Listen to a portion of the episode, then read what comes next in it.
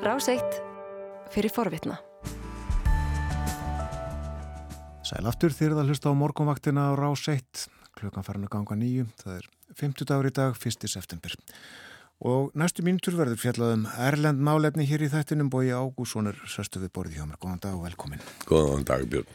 Ég ætlum að fjalla um ímislegt eh, stjórnmálinn í Svíþjóð og Brasilíu. Það verður kosi í þessum löndum núna eh, Svíþjóð eh, eftir tíu daga og í Brasilíu byrju næsta mánadar.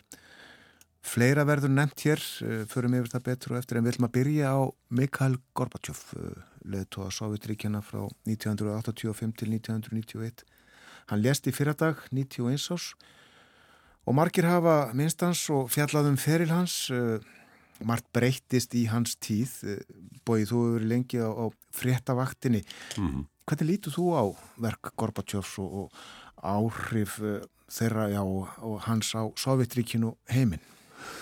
Sko það er eh, inn á sakfræði þá, þá, þá, þá stundum dilt um það hvort að einstaklingar hafi mikil áhrif á söguna eða hvort að einstaklingar eru bara í þeim aðstæðum að þeir verða eh, svona holdtekja eða, eða tákn fyrir ákveðna breytingar sem hefur gerst hvort þið er.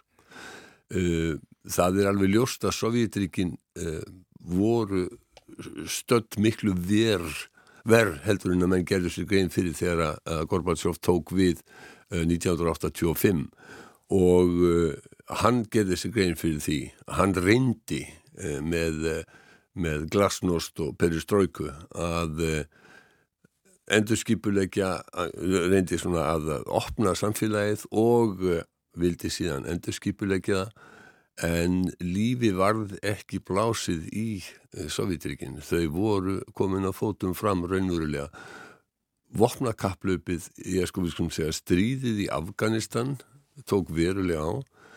Vopnakaplaupið við Bandaríkinn Eh, eftir að Reykján eh, sett upp stjórnustrís áallin sína var bara meira heldur en að efnahagur Sovjetríkjana þóldi og kerfið allt saman var, já það var spilt og rótið uh, og uh, því var ekki björkandi og því miður að það sem að menn heldu uh, eftir að Sovjetríkin liðust í sundur að Rúsland til því líðræðisíki, það verður ekki gengið eftir mörg, ég sérstaklega Eistræðsalsríkin sem að voru hluti af Sovjetiríkanum, þau eh, eru líðræðisríki meir og minna, getum við sagt, á, á svipaðan hátt og, og vestur-európska ríki með miklu lengri líðræðishefð en e, þetta gekk ekki í Rúslandi.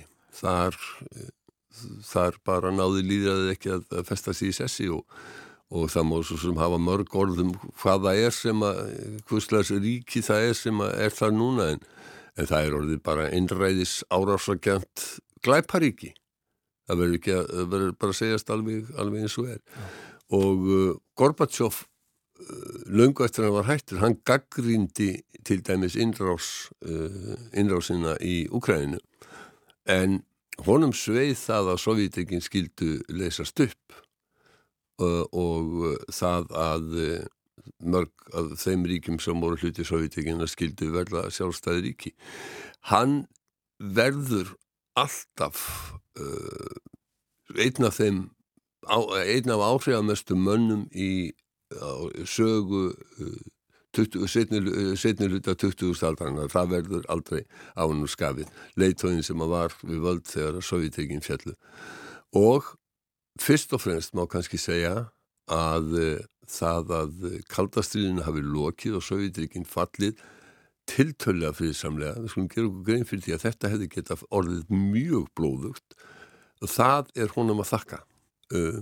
Svo hafa með segja, sagt sko hann hafi verið draumórumadur sem ekki hafi sko haft almennileg tengslu raunveruleika en ég sko það er hægt að lesa alls konar ummæli um hann en, en ég held að fyrst og fremst að þá hljóttum að minnast hans fyrir það að uh, það varði ekki blóðbaði fallt sovjetegina Þetta var um Gorbachev.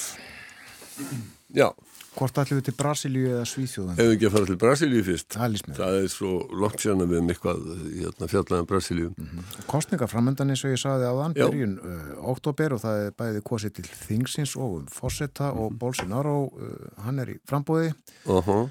alveg rétt. Það er í upp, það er í byrjun oktobermánar fyrir umferð fórstættakostningana og þar er uh, Lula da Silva sem heitir fullunafni Luis Igna, Inacio Lula da Silva Hær, já, nei, fyrir ekki, já, Lula da Silva, hann fyrirvændi fórseti, hann er í frambóði, hann er vinstri maður.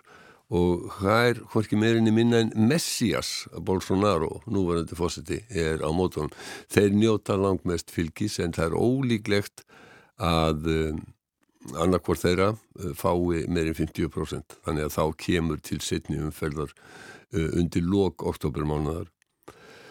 Staðan er þannig að uh, Lula hefur umtalsvert meiri stuðning heldur en Bolsonaro og það, það er líka spurt um sko hvernig það myndi stýðja í setni umferðinni og það, það, það sama gildi þar að Lula er með umtalsvert forskot mm.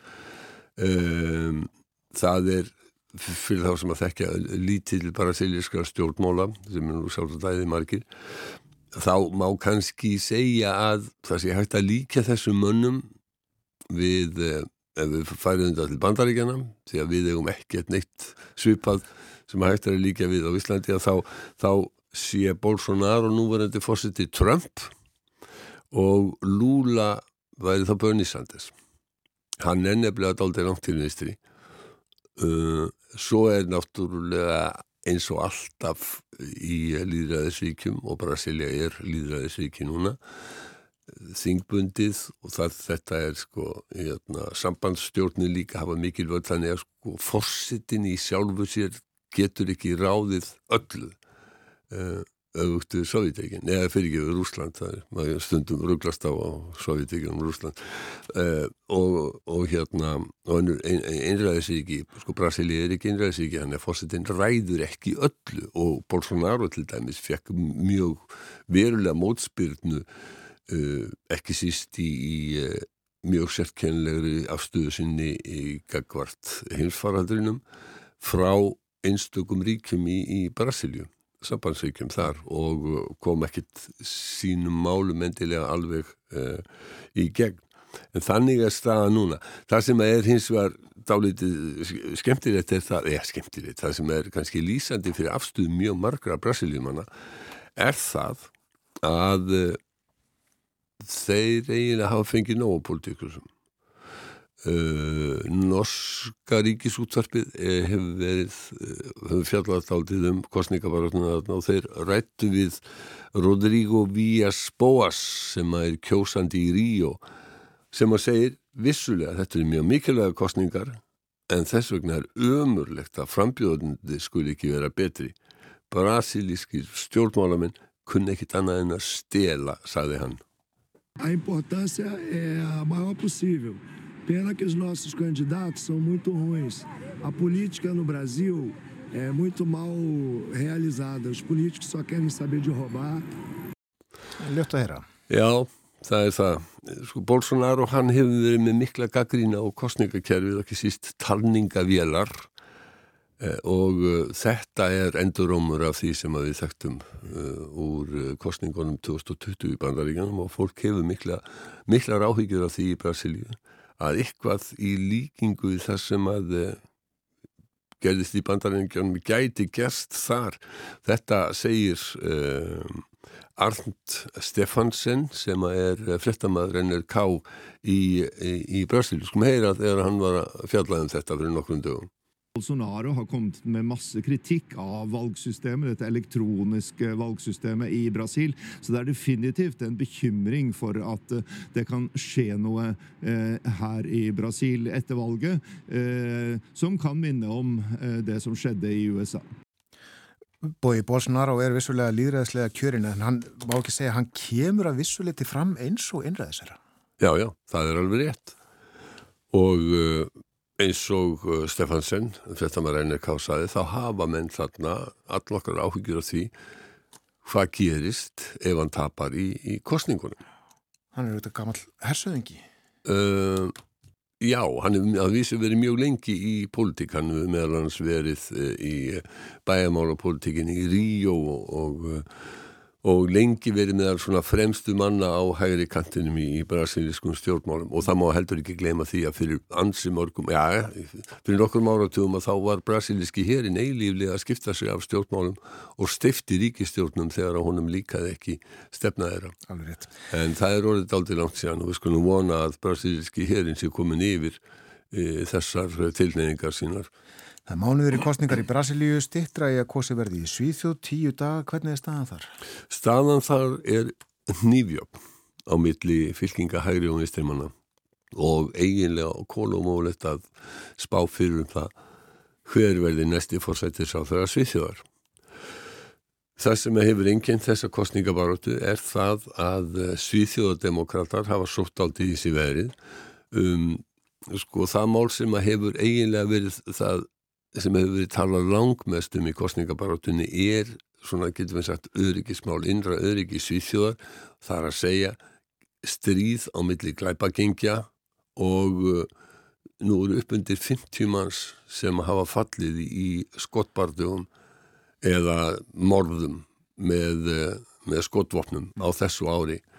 Uh, komið fram úr því sem var allt síðast árið og þetta Þetta hefur orðið svona vatna á millu Svíþjóðdemokratana uh, menn byggust við því að Ulf Kristesson og Moderatana sem er svona einn hefðbundni hægri flokkur uh, myndu svona, þeir myndu hagnast á, á þessu að, að aðalefni kostningabarástunna væri þetta. En það hefur ekki gest Kristesson ekki þótt nógu afgerandi og uh, hann er svona eiginlega fórsættis á þar efni hægri flokkana Uh, en Ími uh, Jókesson hefur verið, hefur verið hérna, farið, farið fyrir og farið mikinn og hann er eilíflega að vísa í það hvað Danir hafa gert í þessum málum.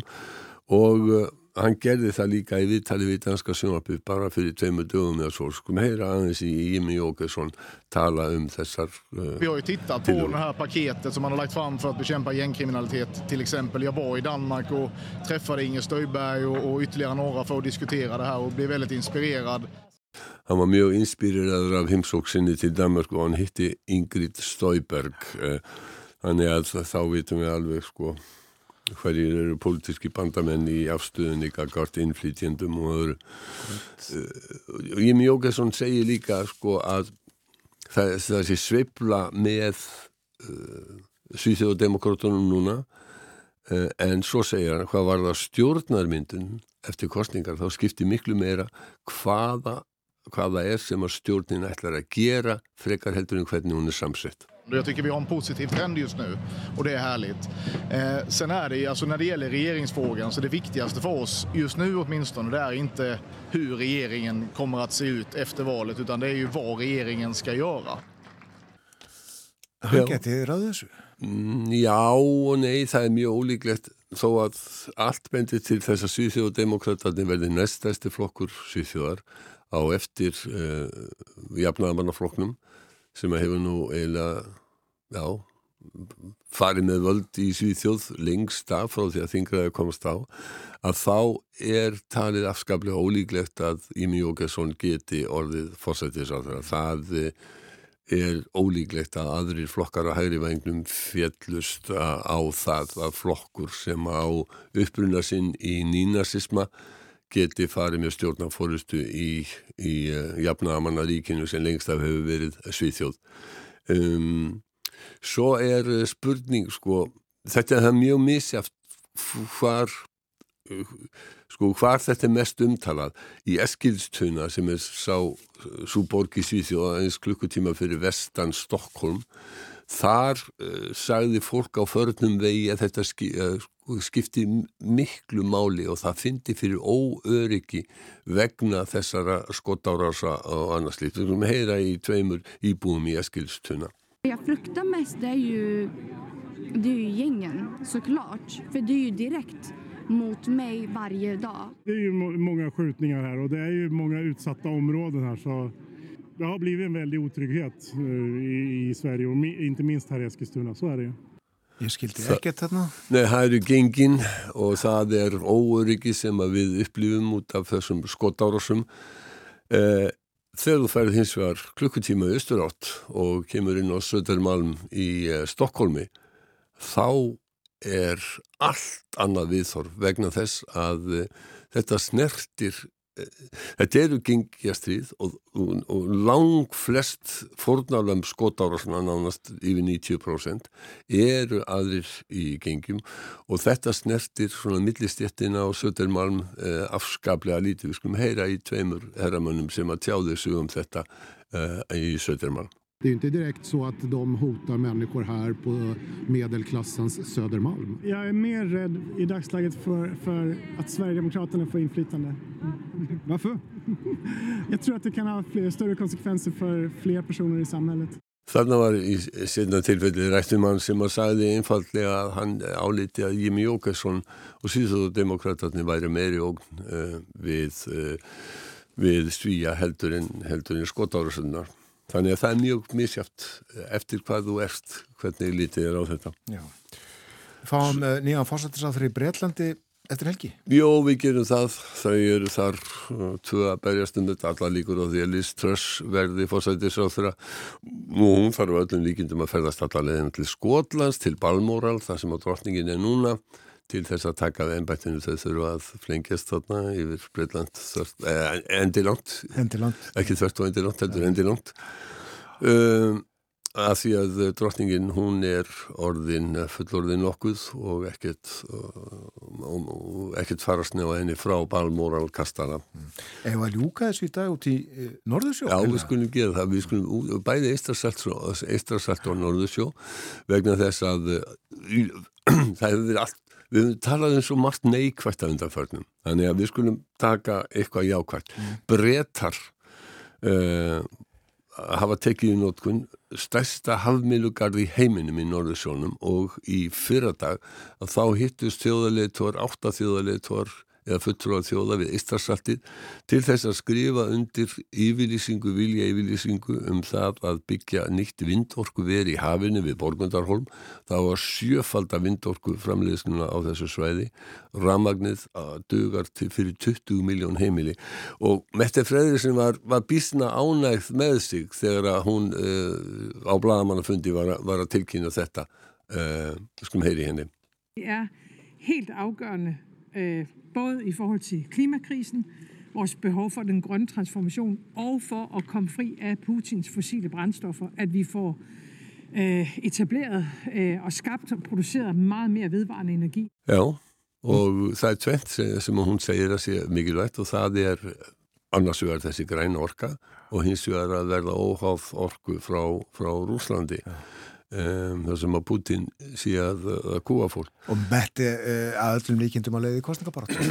Já, já, það er innan, innan okkara mánuða, það er alveg ljóst. Kjörtífumbildur rennur út í júni á næsta ári en uh, það er alveg ljóst að kostningarnar, er nánast alveg ljóst að kostningarnar verða fyrir. En þessi vindmilugarður sem að núna er búið að taka fullri í nótkun uh, undan stöndum Jórvík og Skýris, hann er hann framliði gríðarlega mikið ramagn, það myndi duga hérna Manchesterborg og það sem er uh, skemmtilegt við þetta er að stjórnstöðin og orkan kemur í land í Grímsby Já. og Grímsby þessi gamli eh, fiskibær sem að uh, Íslendingar hafa nú haft og hafa enn mikið samskipti við um, og þar eh, var þetta aldrei gaman BBC var að fjallinu um þetta, þeir rættu við Richard, uh, nei Patrick Salmond sem er í reykuð fiskveiði fyrirtæki og uh, fjölskyldan hefur verið í fiskibransanum mann fram að manni, nema hvað. Dóttir hans, hún tekur ekki við þessu fyrirtæki hún er að vinna við vindmennugarðin Já, svona, svona breytist þetta. Kæra þakki fyrir í dag Bói Ákursson Takk svo mjög, Þú varst að hlusta á hlaðvarpsþátt frá Rás 1. Ef þið langar til að heyra meira, farðu þá á rúf.is skástrygg hlaðvarp eða spilaran á rúf.is skástrygg útvarp. Rás 1 fyrir forvitna.